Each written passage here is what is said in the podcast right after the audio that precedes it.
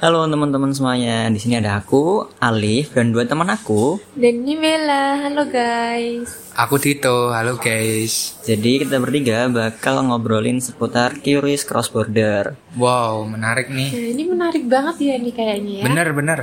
Nah ini sebenarnya inovasi dari BI. Iya. Dia menarik banget karena transaksi pada intinya nanti Curious ini sama kayak Curious pada umumnya, tapi dipakainya lebih global luas, Luas. gitu Iya. kan, nggak cuma di Indonesia aja. Ternyata bisa ya di luar negeri itu Hmm. bisa dipakai. Ya jadi kalau jalan-jalan tuh kita nggak perlu ini, nggak perlu bawa wah kita harus tukar uang dulu di bank, jadi kita bisa pakai QRIS. Tapi kalian tau nggak sih? Eh, tapi aku masih bingung dikit bingung sih. Itu kira-kira skemanya tuh kayak gimana sih? Kok Dito dulu tau nggak? Kalau setahu aku ya kak, itu gini sih kalau QRIS border itu memang terkhususnya lintas negara, tapi melalui bank sentralnya negara masing-masing kayak gitu. Nah sebenarnya penerapan QRIS ini itu eh, kerjasama sih antara bank sentralnya Indonesia, bank Indonesia sama bank sentralnya di negara tersebut yang jadi mitranya QRIS. Seperti itu sih, as simple seperti itu. Hmm, Jadi nanti intinya nanti penukaran kursnya nanti dilakukan sama bank sentral. Iya benar. benar. Aku sebagai anak ekonomi ya sebenarnya cukup tertarik sama QRIS cross border ini. Karena ya transaksi makin mudah, ekonomi makin tumbuh. Tapi kira-kira kalau menurut Bella sama Dito nih, sebenarnya keuntungan keuntungan kita pakai QRIS cross border itu apa aja sih? Jadi Bella dulu deh. Nah, kalau menurut aku ya kan ah, misalnya kita jalan-jalan ke luar negeri misalnya ke Malaysia itu kan biasanya orang-orang harus ah tukar uang dulu nih pakai ringgit sedangkan kalau pakai QRIS cross border ini nggak perlu nuker-nuker uang lagi kan jadi lebih hemat waktu nah kalau kita belanja di sana kan langsung scan aja nggak perlu ngeluarin uang duit nggak perlu tuker duit ke bank kan kayak gitu kan lebih praktis aja sih Nah aku setuju, setuju sih sama si Wela sih pendapatnya. Dan ini sih, as simple kayak kita itu dimudahkan dengan adanya QRIS. Yang tadinya itu mungkin kalau kita keluar negeri itu kita harus nyiapin ini, tukar uang dan lainnya karena mata uang yang berbeda. Tapi dengan adanya QRIS itu secara nggak langsung mempermudah itu loh, memotong hambatan tadi kayak gitu. Intinya kemudahan sih. Tapi eh, at the end of the day, kalian udah pernah nyobain belum fitur ini? Oh, kalau untuk fitur ini ya kak, eh, QRIS Quick Border ini. Cross border. Nah, kalau dari aku sih belum karena memang eh, aku saat ini masih kuliahnya di Indonesia. oh, gitu. belum anu ya transaksinya Ah, belum keluar negeri ya? belum. suatu saat nanti pasti ya bisa terpakai Beli ini ayam mail. Iya. Waduh. ya bisa Iya, Mak. ya Eh, aku aku pernah ini sih pernah lihat contohnya tapi dari ini dari TikTok. Hmm. Gimana tuh? Jadi itu dari akun akun ini akun Joki ML Mobile Legend Ah. gitu kan itu dapat customer dari Malaysia gitu. Nah terus kan si customernya ini eh, mau membayarnya tuh pakai dompet digital tapi dompet digital yang cuma ada di Malaysia. Hmm, gitu. Jadi kan jadi terus si apa namanya merchant si penjoki itu bilang kita biasanya kalau dari luar negeri pakai ini kan pakai QRIS pakai QRIS aku waktu waktu lihat video itu aku belum tahu. Aku belum tahu kalau QRIS itu ternyata udah cross bisa cross border bisa bisa dipakai dari luar negeri gitu kan. Oke lah ternyata pakai QRIS emang butuh penjelasan yang cukup panjang buat mahamin si customernya tadi yang dari Malaysia. Tapi at the end ya oke jadi gampang gitu loh. Jadi si customernya tetap bisa bayar pakai duit ringgit nggak perlu pusing-pusing buat ya, terus nukar kurs ke rupiah dulu. Dan si penjokinya juga dapat uangnya juga langsung mulai rupiah. Gitu jadi enak. Itu membantu banget. Kayak transaksi transaksi online mungkin belanja online makan makanan yang mudah di pack ataupun pakaian-pakaian itu bakal jadi komoditas yang mungkin ya. Jadi yang pertama-tama meramaikan pasar ASEAN kalau. Nah, ini kalau nggak salah, anu ya koreksi ya kalau aku salah ini kan QRIS versus itu berarti baru ada di empat negara. Iya, Iya. bener banget. Bener. Mana aja tuh? Indonesia, Ah, Indonesia iya, Malaysia, Thailand. Thailand sama Filipina. Filipina ya. Oke. Jadi cukup ini ya cukup menurut aku tingkat negara itu kalau memberi dengan transaksi yang bermudah apa namanya semua transaksinya jadi enak gitu. Dan negara negara negaranya jadi jajan-jajan juga enak pariwisata juga enak gak harus pusing tuker kurs uang. Tapi kalau menurut kalian sebenarnya eh, eh, tantangan apa aja sih yang harus dihadapi BI terutama? Dalam sosialisasi teoris border ini ke masyarakat luas terutama di kita dulu dulu di Indonesia. Dari gitu gimana?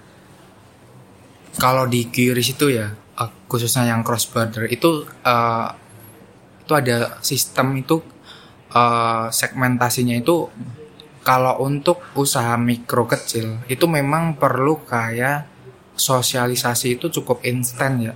Karena memang usaha kecil mikro itu didominasi oleh eh, mungkin gen milenial ataupun yang sudah-sudah tua. Karena pastinya mereka itu kurang melek lah sama teknologi ya gitu. Nah itu sih yang akan menjadi hambatannya.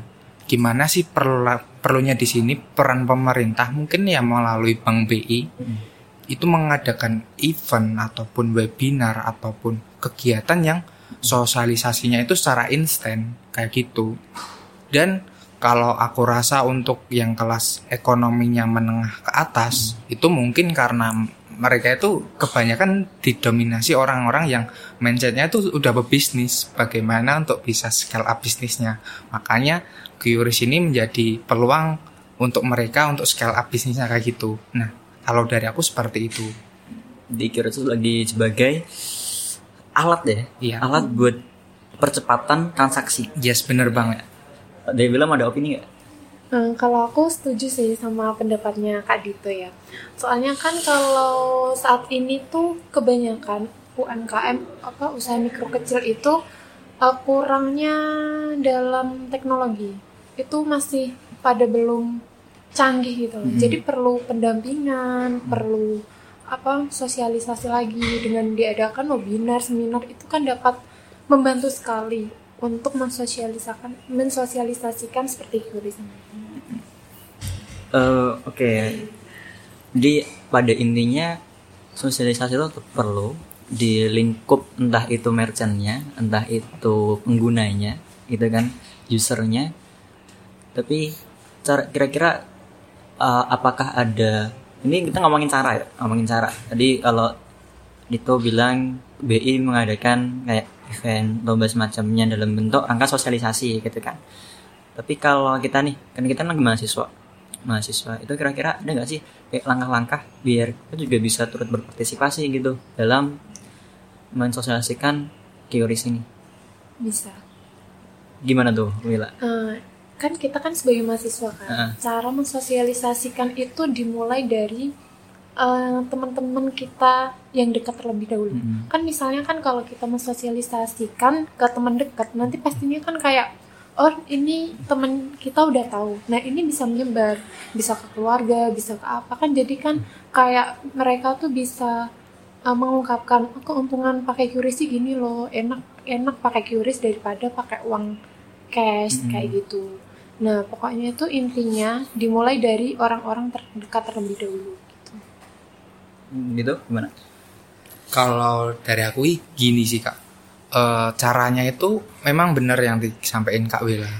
Cuma kalau untuk menyasarnya kita sebagai mahasiswa, Hmm. eh, ya udah, as simple kalau kita jajan itu kan kita nggak kadang itu kan sama teman-teman kan. Mm-mm. Ya udah, teman-teman kan biasanya pakainya cash. Nah kita inisiatif aja pakai kayak misalkan Iris nih. Tadi juga aku sempet eh, ketemu teman, dia bentar dulu tuh mau ambil uang dulu di ATM. Padahal kalau kita jajannya di tempat yang sudah memakai QRIS, ya secara nggak langsung akan lebih cepat gitu sebenarnya. Ah sesimpel kita kebiasaan sehari-hari sih kita mempromosikannya seperti itu. Oke. Kalau ak- aku aku mulai nemu poin, nemu poin. Jadi kan QRIS QRIS cross border itu kan sebenarnya kayak penggunaan QRIS lokal di Indonesia, Iya. tapi cuma lainnya lebih luas. Oke. Jadi sebenarnya basic knowledge-nya itu harus di penggunaan QRIS-nya toh. Yes, bener banget. Nanti penggunaan QRIS biasa cuma nanti dipakainya di luar negeri, itu kan. Hmm.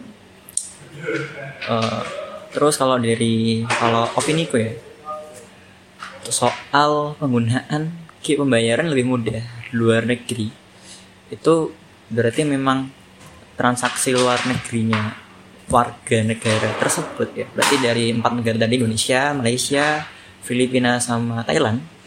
Berarti emang harus ada usaha juga dari dari BI-nya dari pemerintahnya tuh biar gimana caranya transaksi internasional ini yang difasilitasi dengan QRIS cross border itu juga meningkat gitu loh.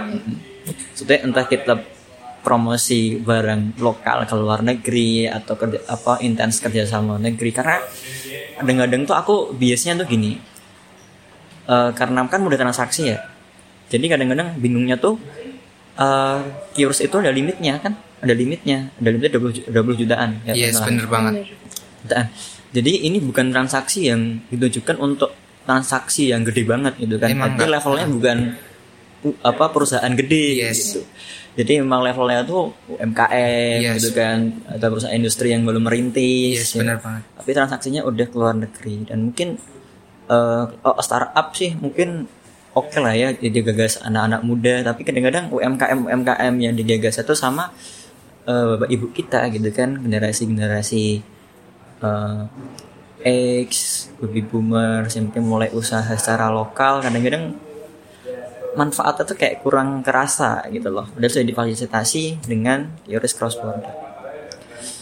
Nah kalau menurut kalian kira-kira gimana sih caranya kita sebagai generasi muda itu juga ikut memperkenalkan lah setidaknya biar orang-orang tua kita juga tahu nih kalau ternyata keuangan sistem keuangan Indonesia itu udah secanggih ini itu kira-kira dari kalian gimana tuh Nah, kan bis- biasanya itu eh, kan yang menjalankan usaha ini misalnya orang tua nih. Kan Mhm. orang tua ini pasti punya anak kan. Mm-mm. Nah, anak ini tuh yang lebih tahu mengenai teknologi. Nah, kita bisa eh, melakukan eh, pendampingan ini apa sosialisasi terhadap anaknya. Nah, anaknya ini disampaikan kepada orang tuanya. Nah, nanti anak ini bisa mendampingi orang tua dalam melakukan pembayaran. Mm. Jadi gimana sih cara menggunakan QRIS kayak gitu? Itu bisa dari anaknya itu. Oke benar ini nyasar ke generasi muda di Iya. ini ya di ling- lingkar usaha tersebut ya. Dari itu gimana? Kalau dari aku sih gini sih. Kalau untuk ditanya peran kita sebagai mahasiswa memperkenalkan pada generasi tua, ya sebenarnya itu udah terjadi gap lah antara generasi tua sama eh, generasi muda. Nah, ya itu tadi seharusnya ada tengah-tengahnya yang menjembatani dari gap tadi. Nah, ya gap tadi kalau ditanya effort kita sebagai mahasiswa ya kita mensukseskan program-program yang sudah ada dari pemerintah khususnya. Karena pemerintah itu pemangku kebijakan. Mungkin dari Bank BI punya event. Event ataupun kegiatan lain kayak gitu, ya kegiatan itu kita bantu promosikan semula kita sebagai peserta. Karena kita mahasiswa ya kita mulai memperkenalkan dulu mulai dari lingkungan kita. Ya kita lah lingkungan kita di daerah kita. Mana sih eh, kira-kira yang bisa nih dimasukin QRIS ke usahanya atau UMKM-nya kayak gitu atau mungkin ke kolega kita atau keluarga kita yang jelas lebih dekat dengan kita kayak gitu sih kak Hmm, Oke make sense. Jadi kalau aku tangkep ya berarti satu caranya kita kita menjembatani juga sebagai mahasiswa biar orang-orang tua juga aware sama QRIS ini ya terutama QRIS cross border. Terus tadi caranya cukup cukup aku cukup menarik menarik banget. Jadi kita nyasar ke generasi mudanya biar pengaruhi generasi tuanya gitu kan. Iya. Mm-mm. Itu juga cukup hmm, mungkin kalau menurutku ya dari nalarku juga cukup efektif. Karena kalau di pendek pikirku nanti meski meskipun ya kalau bahasa kasar tuh meskipun sosialisasi kita minim selama aplikasi ini atau fitur ini terus dikembangkan pada akhirnya nanti kan generasi muda juga lama-lama tuh juga gitu kan. Tapi kita udah punya basic knowledge soal QRIS gitu. Yes benar. Dan- banget. Jadi nanti mungkin ditambah bonus demografi gitu kan. Jadi mungkin pengguna banyak dari kita gitu. Jadi semakin kita pengguna banyak dan juga jadi penduduk terbanyak di Indonesia jadi nanti mungkin generasi tuanya itu juga tergeser sendiri. Dari segi penggunaan ini ya metode pembayaran ya. Jadi mungkin QRIS nanti bakal angka pengguna naik drastis banget. Setelah kita mungkin jadi orang tua jadi bapak-bapak jadi ibu-ibu gitu kan di umur-umur 40 tahunan. Jadi bakal bakal lebih efektif lah gitu. Sekarang kan lagi tahap pembangunan gitu. Kita juga baru berusaha cari uang. Kan masih kuliah, Iya. masih bo masih apa namanya? belum punya duit, sana, masih duitnya masih dikasih bapak ibu gitu kan. Jadi mungkin transaksinya nggak terlalu besar, tapi Iya. kita tetap apresiasi sama inovasi BI buat menyediakan bayaran QRIS. Cross border gitu. Nah, tapi eh, inilah pertanyaan pertanyaan yang nggak serius-serius amat nih. Kalau misalnya pengembangan case ke depan, kan ada negara ada negara tertentu nggak yang kalian pengen masuk QRIS cross border ini? Yang lingkup mana nih? ASEAN atau Hmm, lingkup sekitar Indonesia dulu lah yang bisa kerjasama antar wilayah gitu. Oke. Ada nggak? ada sih? Mungkin kayak yang belum itu kalau di ASEAN itu kan masih ada negara-negara besar lainnya ya, yang ekonominya ya hampir sama lah mirip-mirip. Mm-mm. Mungkin kayak Vietnam atau Laos juga itu kan juga ekonominya ya. Kalau untuk karena kan juga Kyoris ini didominasi oleh sektor pariwisata, Hmm. kunjungan dari industri pariwisata yang menggerakkan roda perekonomiannya kayak gitu kan. Iya benar-benar. Aku rasa sih Laos dan Vietnam itu potensi wisatanya masih Oke. oke tinggi. Kalau Willa ada nggak? Kalau dari aku sih Singapura ya. Kan udah. Eh belum ya? Singapura belum ya? Singapura Oh, iya, udah sih. Singapura udah. Jadi itu tadi akan ada empat kan? Heeh. Singapura, Malaysia, Thailand, Filipina. Oh di Indonesia tuh oh sebagai penyedianya. Ah, iya, oh bisa. gitu. Sorry sorry sorry. Yang empat buat mitranya. Mitra. Oke. Singapura kenapa Singapura? Ada apa di Singapura? Mau beli apa di Singapura? Soalnya tuh kayak Singapura itu hmm, banyak wisatanya ya. Kalau aku lihat tuh kebanyakan orang Indo itu juga banyak yang berkunjung ke Singapura. Gitu.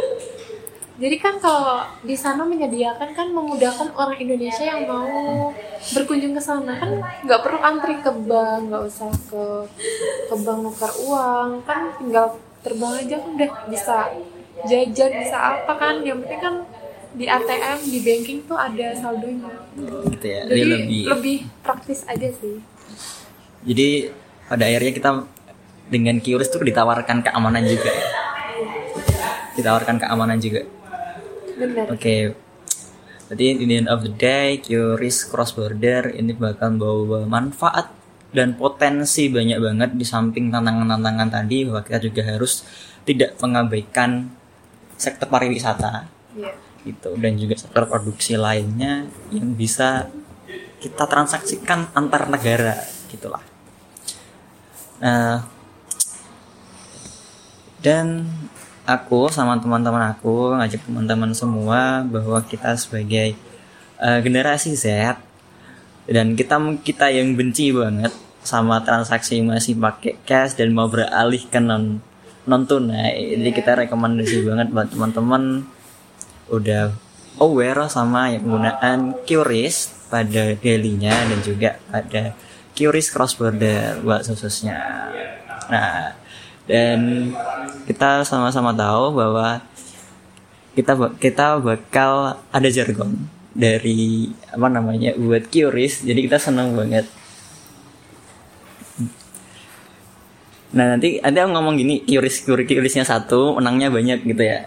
Oke. oke Gimana? Udah, udah sepakat kan kalau QRIS QRISnya itu cukup satu tapi menang untungnya banyak banget. Iya kan? Bener, Benar. setuju banget. Iya kan? Oke. Nah berarti kita jargon QRISnya satu Menangnya banyak.